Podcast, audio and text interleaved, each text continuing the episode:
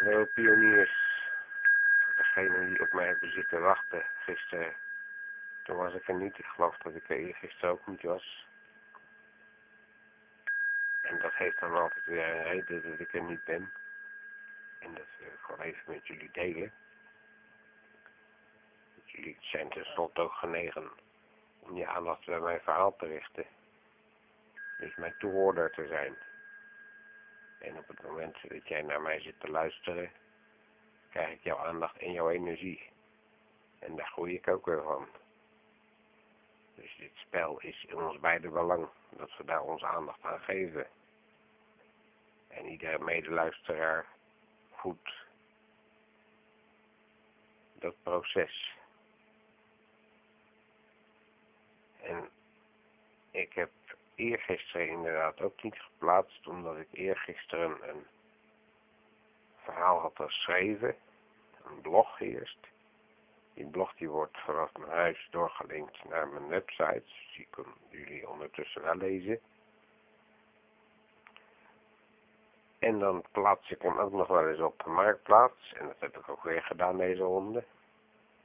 Maar deze blog was natuurlijk uh, veel te heet voor de schapen. En de frequentere volgers die begrijpen wat ik daarmee bedoel. De informatie die ik opschrijf doet menig schaap verbranden. Het is zeg maar schrikdraad met 380 volt. Dus ieder schaapje dat langs komt zit tot as. Nou, dat had ik wel een beetje aangevoeld, maar ik vind toch dat we gezien de tijdsdruk ook de lat mogen verhogen. En degenen die achterblijven, die blijven toch wel achter omdat ze te zwak zijn. Maar wie in de laatste fase nog een adrenalinestoot krijgt toegediend van 380 volt, die kan nog wel eens verrassend uit de hoek komen. En dus had ik ook mijn gewaagde blog op marktplaats gezet. En daar heeft hij een paar uur stand gehouden. En toen werd die verwijderd. En dan niet omdat er geen, om, omdat er reclame op stond of zo, of dat het niet aan de regels deed. Maar dan hebben ze hun eigen beleid voor, weet je wel. Dan, krijg je dan toch niet te weten, want alles wat zij daarover zouden kwijt kunnen naar mij, dat kan ik weer tegen gebruiken. Want zo spelen zij hun spel ook, dus ze verwachten van mij dat ik ook dat spel van hen meespeel. Maar ik speel dat spel een tandje hoger. En daarom kan ik het ook gewoon doen. En dat is dus precies het spel dat ik speel. Boven, boven het glazen plafond, maar ook buiten de belevingswereld van iedereen.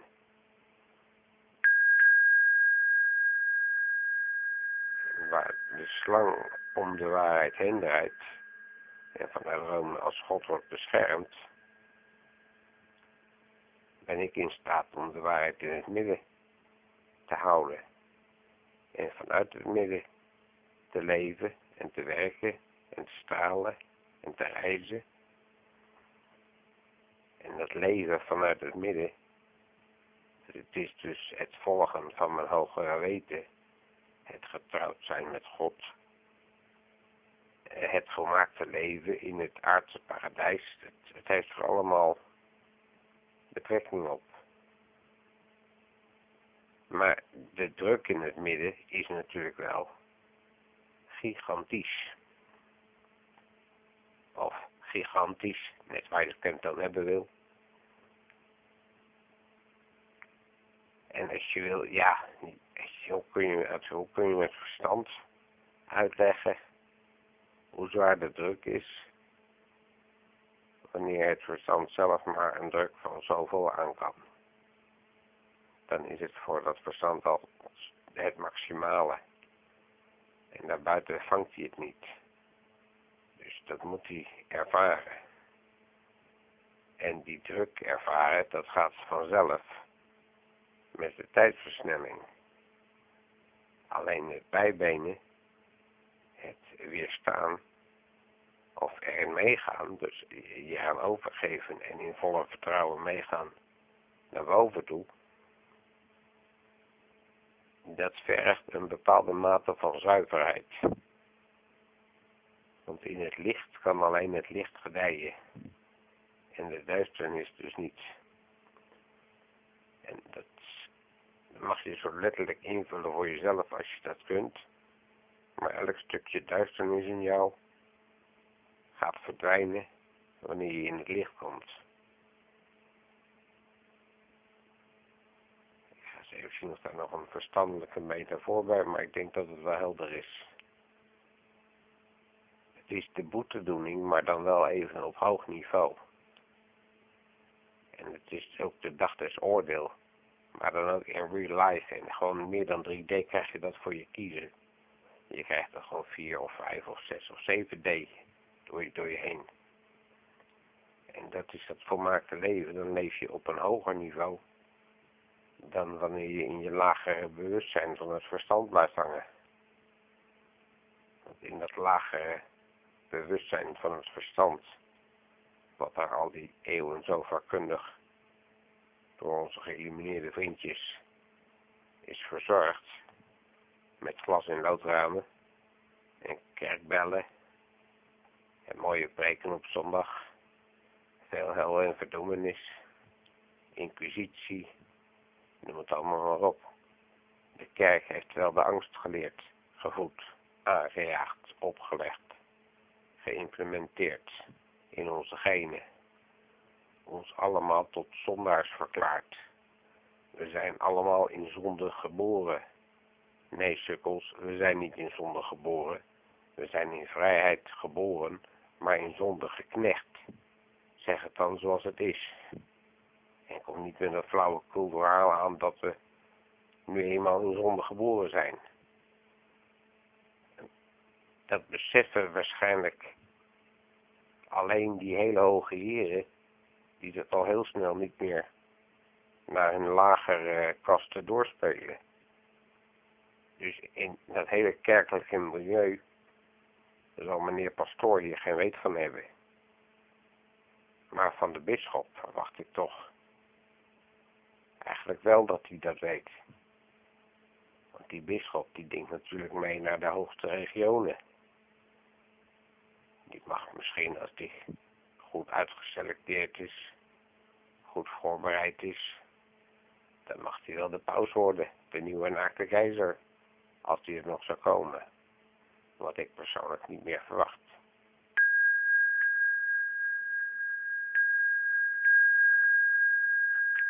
Nu, ik had dus een, blog gemaakt, die had ik op Marktplaats gezet, laat ik het verhaal een beetje centraal bij, bij, bij, bij de punten houden, al gaat het natuurlijk helemaal niet lukken wanneer ik aan het doden ben geweest, want dan zit mijn hoofd nog vol met avonturen en, en allemaal informatie om mee te geven aan jullie.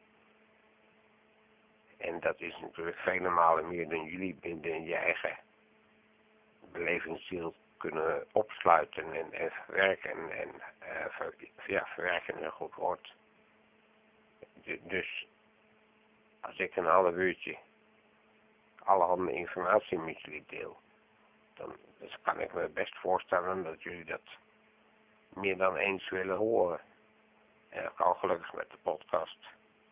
En dan hoef ik het alleen maar één keer te vertellen in het hier en nu. Op donderdagavond 16 januari 2012. Gisteren was de druk dus te hoog uh, van buiten mij. Het gevaar was te groot. En er waren wat... Er waren, er, waren wat, wat, er liepen wat verhaallijnen uh,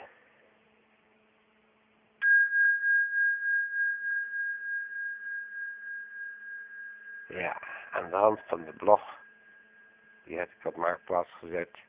Ik krijg er al vrij snel reacties op van mensen die daar de kortsluiting natuurlijk bij ervaren. En dan even hun angst, pijn en frustratie moeten botvieren. En dan zijn er net van die gefrustreerde apen die in de bomen zitten te schreeuwen om met hun eigen poep te gooien. En dat mag altijd wel.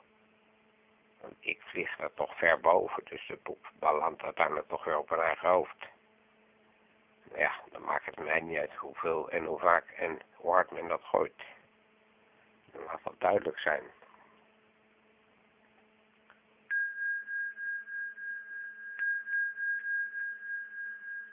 En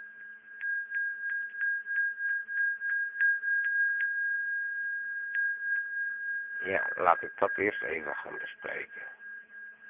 Ik ben, want ik heb u na het weekend heb ik u al gesproken, maar ik heb u nog niet verteld over het Oeralinde boek, denk ik. En ik denk dat dat wel een, een punt van aandacht wordt, omdat ik mij sinds van de week bewust ben geworden dat het Friesland, waar ik al vanaf mijn zestiende woon, tussen allemaal Friese die ik niet echt kan waarderen, omdat die mij van begin af aan ook hebben uitgekotst en gediscrimineerd en onbegrepen, maar onbemind. En ik voelde me plots een Marokkaan in mijn eigen land. Want ik was een Hollander. En ze begrepen mij niet en ze wilden mij helemaal niet begrijpen en ik hoorde niet bij hun en ik wilde niet bij hun horen. En nou ja, dan ben je toch best wel een vreemde eend in de bijt. En dat ben ik dus vanaf mijn 16e tot nu. Ik ben nou pak een beetje 26, 36, 46. Ik ben nu al 30 jaar en Pietjes. Dat is best wel heel lang. Dus ik ben hier al 30 jaar, moet je nagaan. En ik ben er pas van de week achter gekomen dat Friesland van oudsher vrij als land is. En was een Noorse mythische figuur, een godin, een koningin, een heldin in ieder geval. En dat als land is al 2000, 2000 voor Christus. Het is dus al heel oud. Het was zo groot als heel Europa. En het is door de eeuwen heen met allemaal koningen en, en, en andere heersers, legers, generaals, hoe je het allemaal noemen wil, dictators, is het land steeds kleiner en kleiner geworden. Tot vandaag de dag alleen nog de provincie Friesland is overgebleven. En in die provincie Friesland, die dus feitelijk al 5000 jaar oud is, zo'n beetje, die heeft dus een enorme rijke geschiedenis. Maar die heeft ook zijn eigen, zijn eigen bijbel, zijn eigen richtlijn, zijn eigen gids. En dat is dus het Oeralindeboek. En daar ben ik dus pas van de week achter gekomen. Omdat ik een pact heb gesloten met de druïden. Van Freya, zal ik maar zeggen. En, en een pact sluiten is in mijn, uh, in mijn scenario, in mijn sprookjesboek dat ik leef en schrijf en met jullie deel. En waarin jullie dus ook allemaal je gastel spelen. In het sprookjesboek sluit ik een pact met een bepaald stamhoofd of stamvrouw. En daarmee is die hele stam ook voor mij toegankelijk. Ja, dat mooi geformuleerd.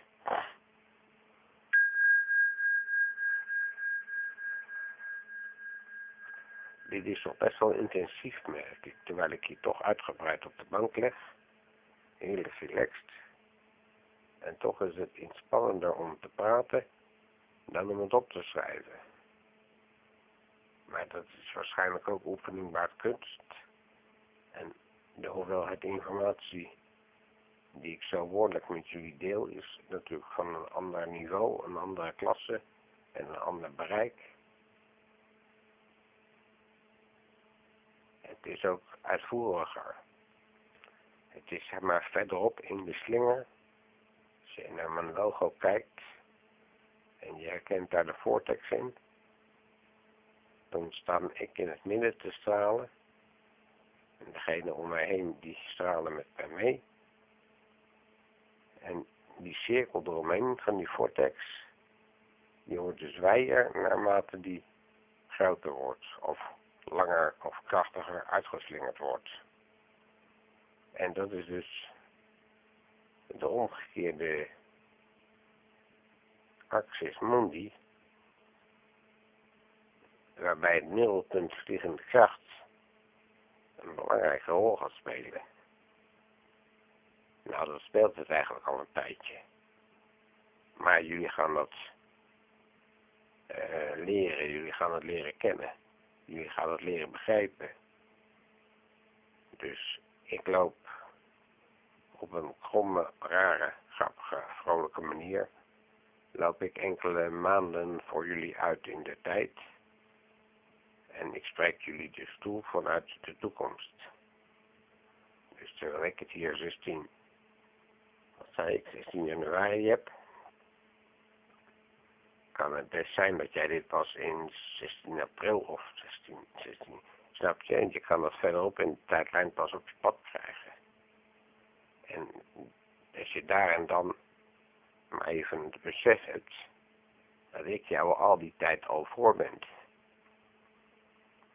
Dat is een leuk concept, hè. En dat is wel hoe het werkt. Want de informatie die ik met jullie deel, die komt rechtstreeks uit de bron. En dat kan ik uitleggen, want ik ben die bron. Ik sta open voor jullie, ik schijn voor jullie, ik verzamel de informatie van boven voor jullie. En dat doe ik deels uit eigen belang en gewoon deels uit... Nee, het is eigenlijk alleen maar puur eigen belang.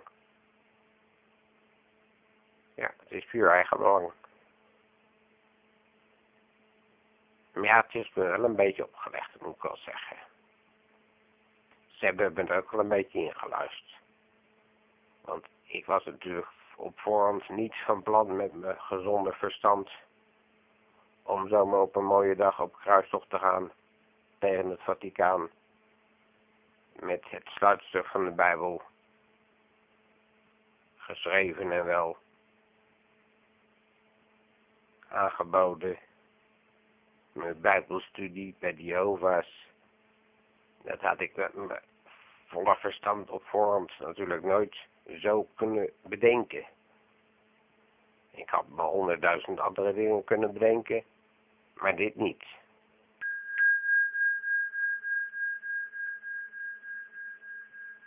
Nu ik er eenmaal in, in bezig ben, en nu ik het spel van het leven snap, en dat snap ik dus pas sinds 2006. Kun je.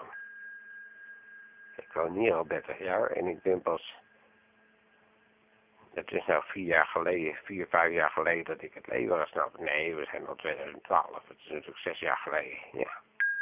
Ik moest het je in 2010 en dan was je daar weer hangen. Dat, nou, maakt ook niet uit.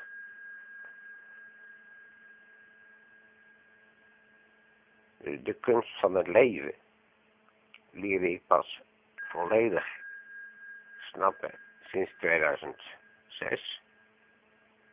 Vanaf die tijd ben ik mijzelf als shamaan gaan manifesteren en ex poseren. Ja, feitelijk wel. Je kunt aan mij afzien als ik op straat loop dat ik een shaman ben. En heel af en toe word ik als zodanig herkend en daar ook op aangesproken. Maar het gros van de massa van de mensheid om me heen, die kijkt vreemd naar mij. Maar dat ben ik ook, vreemd. Ik zie er vreemd uit. Ik loop vreemd. Ik heb een stad een parapetje op. Ik ben een opvallende verschijning. En dat ben ik mij terdege bewust. Maar toen ik aan deze reis begon, was ik toch al gehandicapt. Dus ik was überhaupt blij dat ik nog een beetje kon lopen. En dat ik al raar liep. Ja, dat was logisch. En wanneer je raar loopt, wordt er altijd naar je gekeken. Of je nou bejaard bent en met een rollator gaat lopen. Of dat je met een brommerongeluk je poot hebt gebroken en in het gips loopt. Er wordt altijd naar je gekeken. Mensen kijken altijd meer naar jou dan naar degene die naast je loopt en dat niet heeft. En dat is ook logisch. Dus je trekt zo de aandacht naar je toe. En omdat ik mijn boek had geschreven en de positie van shamaan had ingenomen, kon ik die aandacht extra goed gebruiken. Omdat die aandacht ook mij voedt, energetisch. En dat spel, dat heb ik dus bewust ingevuld. En kwam me dus onbewust geïnspireerd. Ik krijg dat dus van bovenaf als eerste door. Als een zaadje dat wordt gezaaid. Dan moet het in vruchtbare aarde vallen. En dat betekent dus dat de tijd en de locatie en alles eromheen dat de signalen overal groen moeten staan. En dan ontkiemt dat. En dan kun je dat blijven voeden. En zo werd Paramani een shamaan en een schrijver en een stichter van een mondiale volksbeweging, waar die ook het archetype in is. En met al jullie aandacht voed ik, voeden jullie en trekken we met z'n allen ten strijde voor de nieuwe wereld, voor de mondiale vrijstaat. en dat doen we keurig in balans. En die balans, die hou ik voor jullie. En dat doe ik door hoog te reizen en diep te dalen. En zo op elk niveau, met ieder mens op zijn eigen niveau, te kunnen communiceren. En ook met elke geest, die ver omhoog, waar ik ook met mijn verstand niet meer bij kan, kan ik toch mee communiceren. En zo ben ik een ruimtereiziger door mijn eigen geest. En doe ik dat bewust en onbewust door elkaar heen. En gisteren was de druk, was zeg maar de jacht weer geopend op mij. Want de elite die ik op mijn pad tegenkom, want de kerk is natuurlijk omringd door een satanische, satanische secte. De club van Moloch, zou ik maar zeggen. En dat zijn de vogelmannen. En andere, meestal pedofielen zieke geesten. Trauma-based mind control. Helemaal hun ding. Ze manipuleren zich helemaal een slag in de met de veestapel. En jullie waren met z'n allen allemaal ooit een deel van die veestapel. Maar gelukkig zijn wij eruit ontsnapt. En graven ons een weg die door anderen makkelijker gevolgd kan worden voorop. En alles wat achter ons komt, verbreidt het pad. Zo krijgen we een trechtervorm. En in die trechtervorm herken je ook weer de piramide. De piramide gebruiken de geïllumineerden. Die zijn bovenin de piramide het oog wat er zit. Het oog van Horus. En omdat ik voorop loop, en ook de centrale as ben, door het voorbeeld te zijn voor ieder van jullie, door de vraagbaar te zijn voor ieder van jullie, door de patriarch van de mondiale volksbeweging te zijn, de goel, of welke naam je ook maar aan wilt geven. Ik, ik leid niet echt, want ik ga nergens heen. Maar daar waar ik ben, daar willen jullie allemaal ook naartoe. En daar wijs ik jullie de weg naar. En dan hoef ik alleen maar de boel stop te zetten en in balans te brengen. En dat proces, dat doe ik hier, nabij Dokkum, op Vrijheidsland. En dan heb ik al een pact gesloten met de druïden. En ik had al een pact met de heksen. En die had ik ook al met de indianen. En zo waren er nogal wat groeperingen. Met wie ik allemaal een pact kon sluiten. Dus die allemaal achter deze formule staan van eenheid. Wanneer je één centraal punt hebt, heb je een aanspreekpunt waar iedereen bij om tafel zit. En dan kun je dus alle conflicten eenvoudig beslechten door gewoon de leider van de roedel het juiste voorbeeld te geven. En die geeft dat weer door aan zijn kinderen. En die weer aan hun kinderen. En zo heeft het goede voorbeeld goede volgelingen.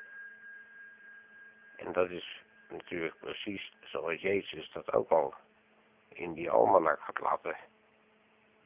Dat, nou, dat heeft Jezus niet zelf gedaan natuurlijk, maar je begrijpt, dat, dat was wel zijn rol in dat verhaal. En de een heeft hem als martelaar misbruikt. En de ander eigenlijk ook.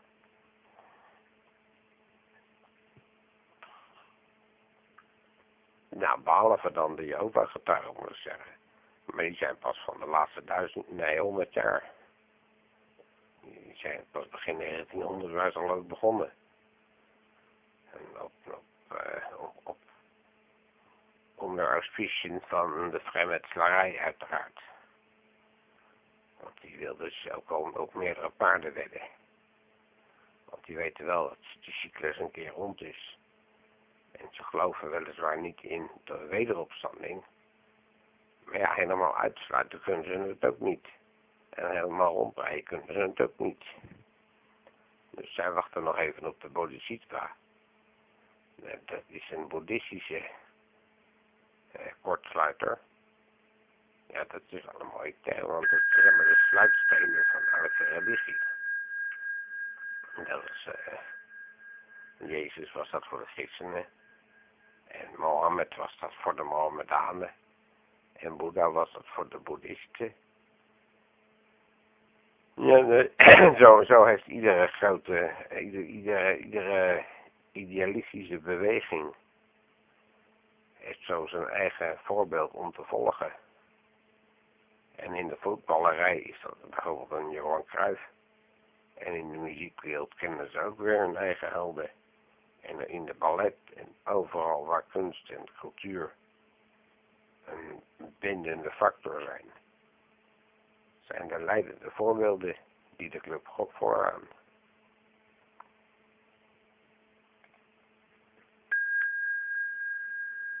Zo, even kijken of er nog nieuws is gebeurd. Ja, er is zoveel nieuws gebeurd. Ik ga dit niet eens redden in een half uur. Dat maakt ook niet uit. Dat maakt het wel uit. Ik sta al even stil, want ik moet toch altijd rekening houden met.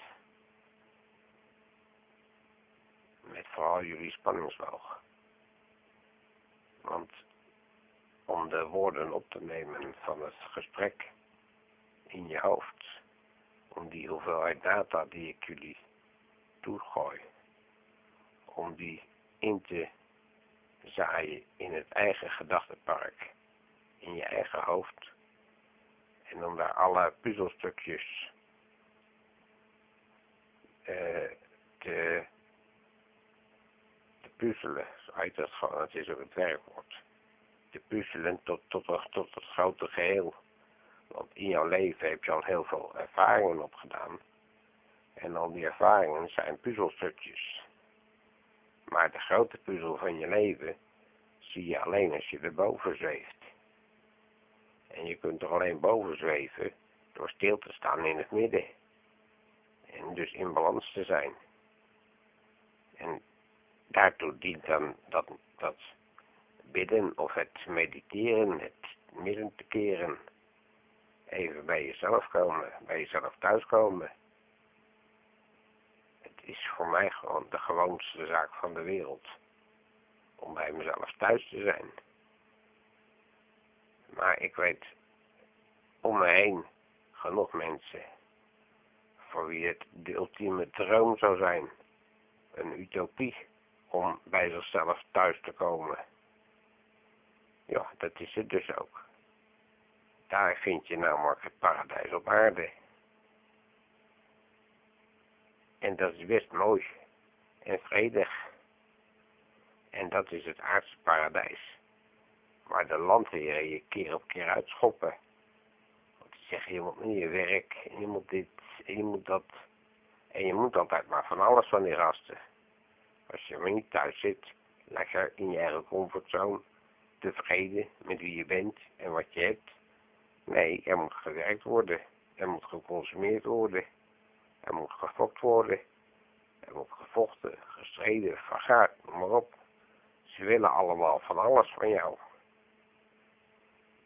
En als je diep in je hartje kijkt, dan zul je het toch met me eens zijn dat het meeste van alles wat je doet, nou niet direct jouw eigen vrije keuze is. Dat je dat nou het liefst ook doet. Dat is dus die gevangenschap. Dat leven in zonde. Omdat je een zondaar bent. Joepie de poepie. Je staat in dienst van God uit Rome. En je hebt God Moloch te dienen. De slang die om de waarheid heen kronkelt. Al meer dan 2000 jaar. En diezelfde slang heeft in Vrijheidsland ook zijn kerken geplaatst. Zijn kerkbelletjes opgehangen. En de Friese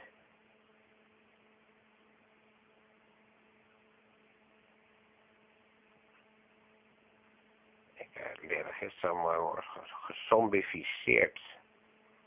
Gesombificeerd, dat is een voodoo-term, dus het is een officiële term.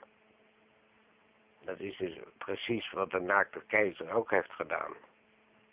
De mensen gevangen gezet en tot slaaf gemaakt, gesombificeerd. De mensen zijn gedachteloze schapen geworden, die alleen nog maar in hun eigen beperkte wereldje, hun eigen beperkte dingetje doen. En dat is op zich natuurlijk niks mis mee, als je erin maar alle ruimte en vrijheid hebt om vermaakt gelukkig te zijn. En het is niet goed wanneer ze van boven hebben bedacht dat ze wel met 85% minder voor ons toe kunnen. En de dan maar gewoon een chippy en makkelijk onder knoppen te, te bedienen.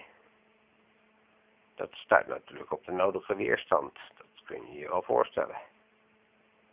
En die weerstand die is gelukkig al volop in gang gezet. Er zijn wereldwijd honderden miljoenen mensen actief op een eigen vlak, op een eigen front, in het ondergronds verzet. En ik heb mezelf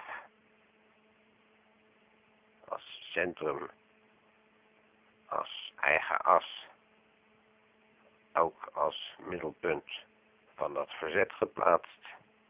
Ik hou dat gehele verzet in de gaten. En ik ben de spreekbuis voor velen.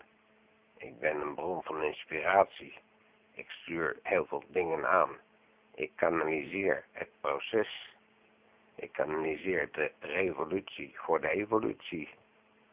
Het grote stilstaan aan het einde van de tijd. En waarbij iedereen zijn schaduwwereld in moet ruilen voor de wereld in het licht dat was al even een happening. En daar gaan een hoop mensen nog een hoop pijn mee beleven. Nou, en ik sta niet echt bekend om mijn compassie, mag ik jullie vast wel verklappen. Want daarvoor heb ik al genoeg, genoeg ellende omheen gezien en gehad en ervaren en gedaan. En het zegt me allemaal niet zoveel meer. En ieder krijgt wat hij toekomt. Want die heeft zelf gezaaid en zal zelf oogsten. En dat heeft niks met eerlijkheid te maken, maar alles met rechtvaardigheid. En dat is het grote afwegen. Het, de Judgment Day. De dag des oordeel. Ja, dat was hem. Nou, dat lijkt me voor vandaag wel even genoeg. Morgen weer verder. Dan is als de druk ook gewoon veilig is, zeg maar. Als het licht op groen staat. Inspiratie is er zat, want daar is heel veel informatie. Ligt op de plank, zeg maar, voor jullie. Nou, tot morgen.